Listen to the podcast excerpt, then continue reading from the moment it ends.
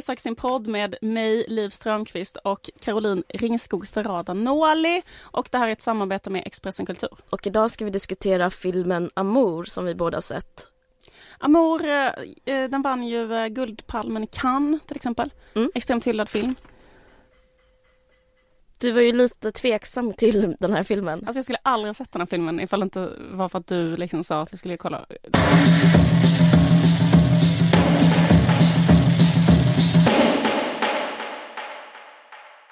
Hur som helst så vill jag att du skulle se den för att eh, den påminner mig om dig. Eller Mikael Handike påminner mig om dig. Va? Varför det? För att eh, du har ju skrivit en bok som heter Prins känsla för snö. Bra. Exakt, det stämmer. Mm. Mm. Och den handlar om eh, kärlek, eller hur? Mm. Ja, att kärlek är en konstruktion. Mm. Mikael Handike har en spaning som att kärlek är en konstruktion också. Och att kärleken... Eh, jag skulle nästan säga att det här är en meta-branschfilm. Vänta lite, kan inte jag bara få berätta för vad den handlar om? Eh, den handlar om eh, två eh, eh, väldigt så här, gamla, ett väldigt gammalt par som varit ihop hela livet. George. George och Anne. Mm. Och sen får Anne en stroke och då blir hon förlamad och hon vill inte till sjukhus. Eh, så därför så eh, vårdar han henne istället i hemmet. Mm. Och så handlar det om deras relation då när hon är så här, eh, extremt dålig. Mm. Framgår inte det av när jag, när jag säger metabranschfilm? Nej. Nej, men det jag menar är att eh, jag tänker att eh, det handlar om Hollywood rätt så mycket, hela den här filmen. Eller om eh, premisserna för vad, vad film är och vad film bygger på sen 40-talet, sen film blev film. Alla filmer handlar om en sak. Och det är kärlek. Mm. Alla filmer är exakt likadana. Mm. Och det är att det finns den här stora kärleken som förändrar liv.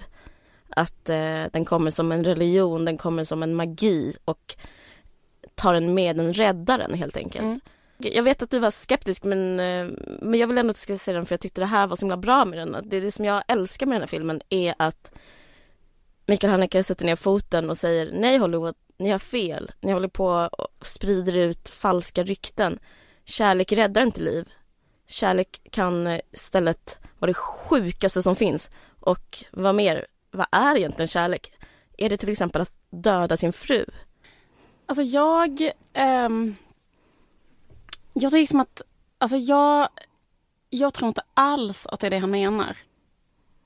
Jag tror att det, alltså det är en tolkning men jag eh, håller absolut inte med om den tolkningen. Jag tänker helt tvärtom. Jag tänker att hans film är liksom en... Det är liksom prinsessan på tårtan i det här. Att kärlek är det som ska rädda en och så. Alltså filmen heter Amour och jag upplevde det som att han är totalt okritisk mot romantisk kärlek. Älskar det. Det är intressant. Det är sant. Och vet du varför också? Vet du Därför- varför? Nej men kolla här, jag ska berätta när jag såg filmen. Då var det så här, jag och ett antal andra, folk ser det här som en parfilm. Alltså kulturella par går dit, kanske hånglar genom hela filmen. Nej. Har, jo, du var inte där. Jag kan berätta att det var så här. Tjejer med en basker går dit med sin kille som har skägg och sitter typ och har det här som förspel, den här filmen. Den här filmen är afrodisiak för en viss typ av människor. Jag skulle säga att det handlar om att den är två och en halv timme lång. Man kan hångla bort 20 minuter och det är fortfarande samma film. Nej men de sitter typ och så också skrattar så här kärvanligt därför att jag tror eh, att som hela filmen är så här eh, fy fan vad fint det är att vara ihop hela livet och eh, och liksom det är kärleken som räddar henne där på slutet. Det som visar sig i filmen är ju att han och hon har en, en gemenskap, det här kontraktet som är parförhållandet Mm. eller äktenskapet. Mm. Och innan hon blir dement så lovar han henne Nej, jag ska inte ta dig till sjukhuset, jag ska ta hand om dig. Och vad har han för kunskap om det? Han har ingen kunskap förutom just sin kärlek. Och jag upplever att det är det som eh, fallerar. Det, kärlek är inget, det är inget medel för någonting. Det är, egentligen, det finns nästan inte. Och eh, den här idén som Hollywood har närt väldigt länge och kanske romaner för tiden att kärlek övervinner döden. Det, det är den han eh, håller på att laborera med, Mikael Haneke. Alltså att han För att hon, hon dör ju till slut.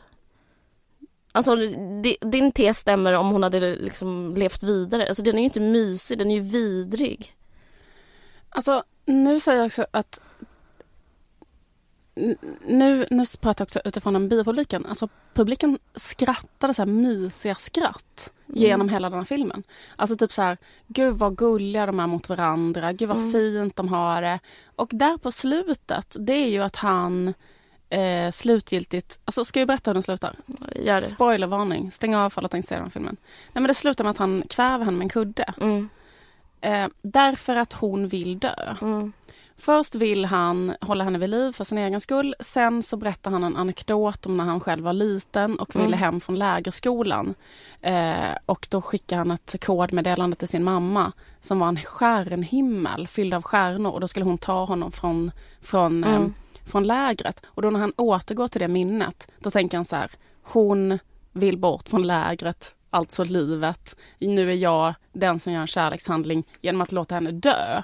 Mm. Så därför kväver jag henne nu. Och mm. det upplever jag i filmen eftersom den heter Amour.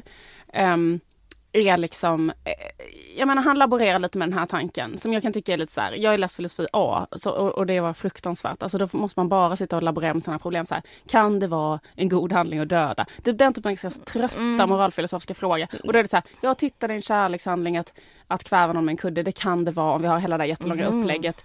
Nu slutar det så här lyckligt, det är typ en vacker film om just kärlek, typ som lyckad kärlek alla hans andra filmer handlar också om samma sak fast på andra sätt. Alltså, det är, han älskar ondska. Det skulle vara ett karaktärsbrott att börja göra en feelgood film Men det är liksom inte feelgood men det är mer så här... Um, kanske så här... Uh, hon säger uh, på ett ställe, för han frågar henne så här... Vem... Uh, hur tycker du att jag har varit typ som man? Och så säger hon så här, ja ibland är du ett monster, men du är också snäll. Mm. Och eh, jag tänker mer att det är det han vill visa, liksom så här, ja men det, han är typ snäll. Tycker du att det är fel när han dödar henne? Ja, fast, fast jag tycker det, eller jag, jag tänker inte, om jag, ska, om jag ska ha en åsikt tänker jag att det är fel, men jag tycker det mer handlar om eh, vem han är som person. Jag tycker det handlar om den här grejen att man man inte klarar av en uppgift. Om man tänker att moral är en uppgift så klarar man inte av att ha makt. För, för så är det rätt så mycket eh, skitsamma de andra filmerna men om, om någon ger livet, ens liv till en så har man, alltså som mor och barn eller vad som helst. Eh, det är så himla bräckligt och det, det är där jag tycker det är liksom själva, jag, jag upplever det som här som en skräckfilm. Att eh, han ska ta hand om sin fru det är liksom själva skräcken i att en människa ska ta ett, an, ett moraliskt ansvar. Och eh, vem skulle klara av det? Det är extremt svår grej att klara av och den här personen klarar inte det. Han, ba, han, bara, han bara gör fel. Jag tycker det är väldigt mänskligt och berörande faktiskt. Men jag känner också att, att eh, en sak som den här filmen handlar om som, eh, som jag tycker extremt bra tema, det är äh, livets förgänglighet. Mm. För det är någonting helt oundvikligt att, att alla ska dö. Mm. Samtidigt är det en sån äh, extremt förträngd verklighet i vår kultur. Så Uh, och jag tänker aldrig på det heller. Liksom. För mig det är som att tänka på träning typ. Eller tänka på så att man måste flossa typ. Eller en sån här ångestgrej. De har liksom inga problem förutom livets förgänglighet. Så snarare liksom att det handlar om det i så fall. Mm. mm det handlar väl om det också. Och sen så tror jag det handlar om Mikael Hanekes roll i filmvärlden. Han, allt han gör får Guldpalmen. Och, för, och jag tror att han vill liksom minimera, han vill spela med den här juryn som sitter där kan. Det är rätt pompöst att göra en film som bara utspelar sig i en kammare. Det är ett kammarspel mellan två riktigt rynkiga äldre människor. Inget sex, ingenting egentligen. Det är bara deras ångest i två och en halv timme. Jag tycker det tyder på väldigt bra självförtroende att inte om man jämför med The Hobbit som vi pratade om förra gången så är den väldigt sådär ängslig och tar in orker så fort den får tillfälle. Fick filmen dig peppad på livslång tvåsamhet? Nej, det är det jag menar. Den får ju inte det. Den, är- den är den är kärlekskritisk. Själv. Ja. Därför att det kändes som att en morot för att hålla ihop hela livet är att då kommer det finnas någon som kan ge en aktiv dödshjälp. Skulle du kunna ge mig eh, aktiv dödshjälp ifall jag var så här 97 och du hälsade på mig på hemmet och jag låg och skrek så här, jag vill dö, jag vill dö, jag vill dö. Nej. Men det tolkas som att du inte älskar mig.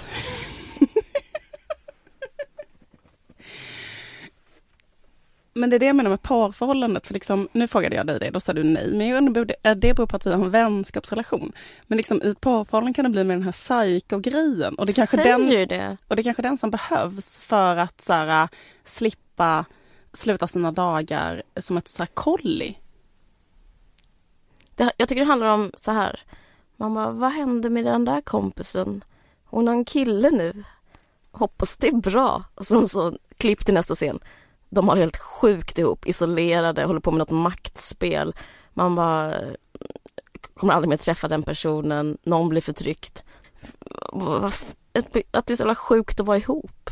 Men jag vill liksom till det vill jag tillägga de här hånglande paren i publiken. Alltså jag tror att väldigt många som ser den här filmen eh, är så här, ja den skildrar ett par som älskar varandra på riktigt. Mm. Så, så det uppfattar jag är, är meddelandet i filmen. Mm. Så här, äkta kärlek finns, det är bra. Alltså om jag ska vara jättetaskig så Mm. kan jag känna så här. ehm, att liksom det är lite grann som ni, alltså jag kan tänka mig att han är så här lite oinspirerad. Det är som stämningen som när man gick på en skrivarlinje, att man fick den här uppgiften, kolla gärna i tidningen och se ifall det finns någonting du kan spinna på. Så läser han en artikel som är så här, eh, gammal tant hittar död, eh, mördad av sin man. Och sen så här, hmm, det här låter som ondska, men jag undrar om jag kan istället skildra det här som godhet. Så börjar han spinna på, skriver han där synopsis på en och en halv dag, dricker en kopp kaffe, filmar det, får Guldpalmen. Jag vet inte, jag har så himla svårt att säga sådär om Mikael Haneke. Jag, jag älskar honom för mycket. Jag tror absolut inte det. Men eh, vi kanske ska byta samtalsämne, jag vet inte. Eller vi kan prata om det här. Jag, jag, jo, jag, har, jag, har, en- jag har ju en sak emot det. Eh, jag tycker det är lite uncalled för att göra en film om ett övermedelklasspar, båda är pianolärare i en extremt fin lägenhet i Paris medan eh, romer fördrivs. Ja, Men du vet, eh, det har blivit så jävla vidrig stämning i hela Europa och eh, om nu Haneke älskar ondska, det, är- det är den traditionen han verkar.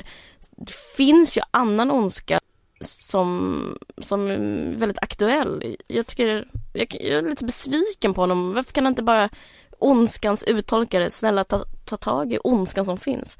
Så trött på det här borgerliga liksom. Ja, det känns som att det, liksom att den här filmen eh, placerar in sig i en lång, lång eh, tradition eh, inom film som är att skildra en viss samhällsklass, över medelklass, alltså en så kallad över medelklassfilm. Där man då skildrar livet hos folk som har det rätt bra. De bor i en lägenhet, det ser ut som att de bor inne på Bukowskis. Mm. De så här, går runt på en så här tunga eh, teakmöbler och guldornament. Mm. Så här. Eh, också känns det väldigt orealistiskt att de skulle ha pianolärare och Mm. kunna hålla sig med den våningen, enorm våning i Paris. Mm. Jag hade inte heller velat åka till sjukhus om jag hade bott i den våningen. Nej. Så är det det som är handlingen kanske. Att svårigheten att skiljas, så här, att döden kommer skilja dig från dina ant- antikviteter och smärtan i det. Ehm, nej men det är verkligen så här. Vad, vad tror du det beror på att det är så himla många filmer som handlar om eh, övre medelklassmänniskor? Eh, min gissning är att det kanske är de personerna som går på skolor och utbildar sig till regissörer. Jag vet, det var en retorisk fråga. Men eh, ehm, det ligger lite också faktiskt som ett filter i filmen, att det är svårt att liksom komma förbi den här Det här den bra materialen. det bra materialet. Alltså han vill Ja. ju inte skildra det men att de är så pass problemfria i övrigt. Alltså jag upplever som att livets förgänglighet är det enda problemet de har. Men det är så kanske det är. Man har tid att tänka på livets förgänglighet för att kroppen är klädd i ull, man sitter på bra läder, man äter perfekt frukost. Det är det enda som finns kvar. Absolut. Det är så typiskt också att hålla på och psykologisera så himla mycket. Den här personen blir övergiven av sin mor. Det är någonting som jag tror kommer försvinna från filmhistorien nu när KBT har gjort eh, entré på marknaden. Jag tror inte det här med det freudianska berättandet. Jag tycker det känns lite trist. Eh, det här med att det, han dödade sin fru på grund av en gammal lägertrauma. Ja, jag vet inte. Vadå lägertrauma? Han var på ett läger. Vad pratar du om? då? George. Jaha! Okej, ja men det är det här som är så jävla intressant för att du ser det som något negativt, du ser det som ett trauma. Men jag ser det som att, alltså i filmen upplever jag, fan det är jätteintressant där, hur vi kan ha så helt olika känslor kring vad som hände där, på, alltså vad som hände i filmen. Han berättade att han var mobbad. Jo jag vet men liksom han, Är det positivt för dig? nej. Jag fattar inte att vi kan se så olika på mobbing. För mig är det något positivt. Nej men jag menar att, att, eh, att döda... Att det är bra bland. Eh, nej men att, att det han beskriver där är någonting fantastiskt därför att han blir befriad från lägret. Hans Han får ju stanna kvar. Nej, därför att han ser sin mamma på andra sidan eh, glasdörren. Han skriver ett meddelande till sin mamma som är en stjärnhimmel, också övertydlig symbol. Och då bara, eh, där och då förstår han så här, jag ska befria dig Liv, från livet. vad hände sen? Han dödar henne ja. Nej, i hans lägerhistoria. Ja, i lägerhistorien, men jag menar, han, han skriver om så den får läger... han inte åka Nej, hem. han får inte åka hem, men i, i, i, när han gör om den så befriar han ju liksom sig själv och henne typ. Från lägret slash livet. Mm, Ja, ja, jag tycker fortfarande negativt. Okej. Men eh, vad fan skulle jag säga? Um, vet du vad jag tänkte på jättemycket? Nej, Undrar om, det, undrar om det hade hänt då? För att kommer du ihåg den här historien med eh, Tetra Paks eh, Rausing. Rausing, Eva Rausing? För att hon blev hittad död i en lägenhet som var så här, igentejpad också. Mm, Exakt mm. som i den här filmen. Att eh, De hade också ett så här eh, borgerligt liv kan man säga. Mm. Kanske på lite ännu mer. Men hade också en jättekonstigt De tog psykotisk- lagen i sina egna händer får man säga. Det, Ja precis och det händer ju samma grej här. Alltså Mm. scenariot att vara själv i sin lägenhet, ha ett så här en urspårat- riktigt fin lägenhet. Ja, en riktigt fin lägenhet, ett. Två, ha ett parförhållande som man är väldigt engagerad i. Mm. Tre, frun dör. Fyra, man tejpar igen dörren och ringer inte till polisen. Mm. För det är ju samma grej här. Mm. Jag tänkte också på det. Tror du det är något proble- vanligt problem med överklassen? Nej. Ehm, Fast jag tror båda eh, fallen handlar om att... Eh, nej, men i Rausings fall tror jag det handlar om att man inte vet vad man ska göra av sin tid. Jag tycker det låter lite så typiskt om man har, att man har för mycket tid över. Att man håller på så här jättemycket med kanske crystal meth eller kanske crack eller någon sån här dyr drog. Och eh, håller på eh, konspirerar och sen så eh, håller på med tjänstefolket och lek. eh, Det är nästan som en lek fast då med döden. Liksom. Ni får inte gå in här, jag ska, och nu ska jag tejpa med en sån här viss tejp. Alltså det är en viss typ av eh, eh, vad ska man säga, aktivitet som inte så många hinner hålla på med skulle jag säga. I Amora de är pensionärer. Ja, De har ju... de eh, hinner också psyka där på ett sätt som jag inte skulle hinna i mitt liv. Finns det någonting som du tyckte om i filmen? Alltså jag tyckte att filmen var bra, har inte det framgått? Jag tyckte att det är en jättebra film. Jag är inte liksom, jag är inte en barbar. Det är klart att jag kan uppskatta ett eh, hantverk. Eh, och det, det är ju skitbra liksom, allting i filmen är ju skitbra liksom. Jag bara funderar, jag bara tyckte faktiskt att det var lite intressant att vi tolkade den så pass olika. Ehm, Varför tror du vi gjorde det? Jag vet inte, men ibland tänker jag att det kanske beror på sinnesstämningen när man går in i biosalongen. Alltså, alltså ifall man till exempel tolkar hela deras parförhållande som så här, att det var helt fruktansvärt och han torterar henne mer och mer och det bryter ner dem tills han dödar henne. Det är så du tolkar den. Ja, ja. Och jag tolkar det som att så här, de eh, är ihop, eh, de har ett, eh, det är hemskt att hon, att livet är förgängligt men annars är livet vackert. Ja. Beau, säger hon när hon tittar där i sitt, eh, sitt eh, fotoalbum. Och sen så eh, vill hon dö, han klarar inte av att släppa henne. Sen till slut fattar han att det rätta är att låta henne dö och då gör han det. Mm. som en befrielse? Jag tror det inte beror på det. Jag tror det beror på lite så här... Jag tror det beror på att ett, han vann Cannes-priset. Han skulle inte göra det på den, med den banaliteten. Och att alla hans filmer handlar om ondska. Han älskar ondska. Så det är så, jag tänker, jag, jag, jag tror det är därför. Du menar att du liksom har, har mer rätt? Det sa jag inte. ja. Vad heter det? Um, Okej, um, vad ska vi göra? Vi avslutar. Okej.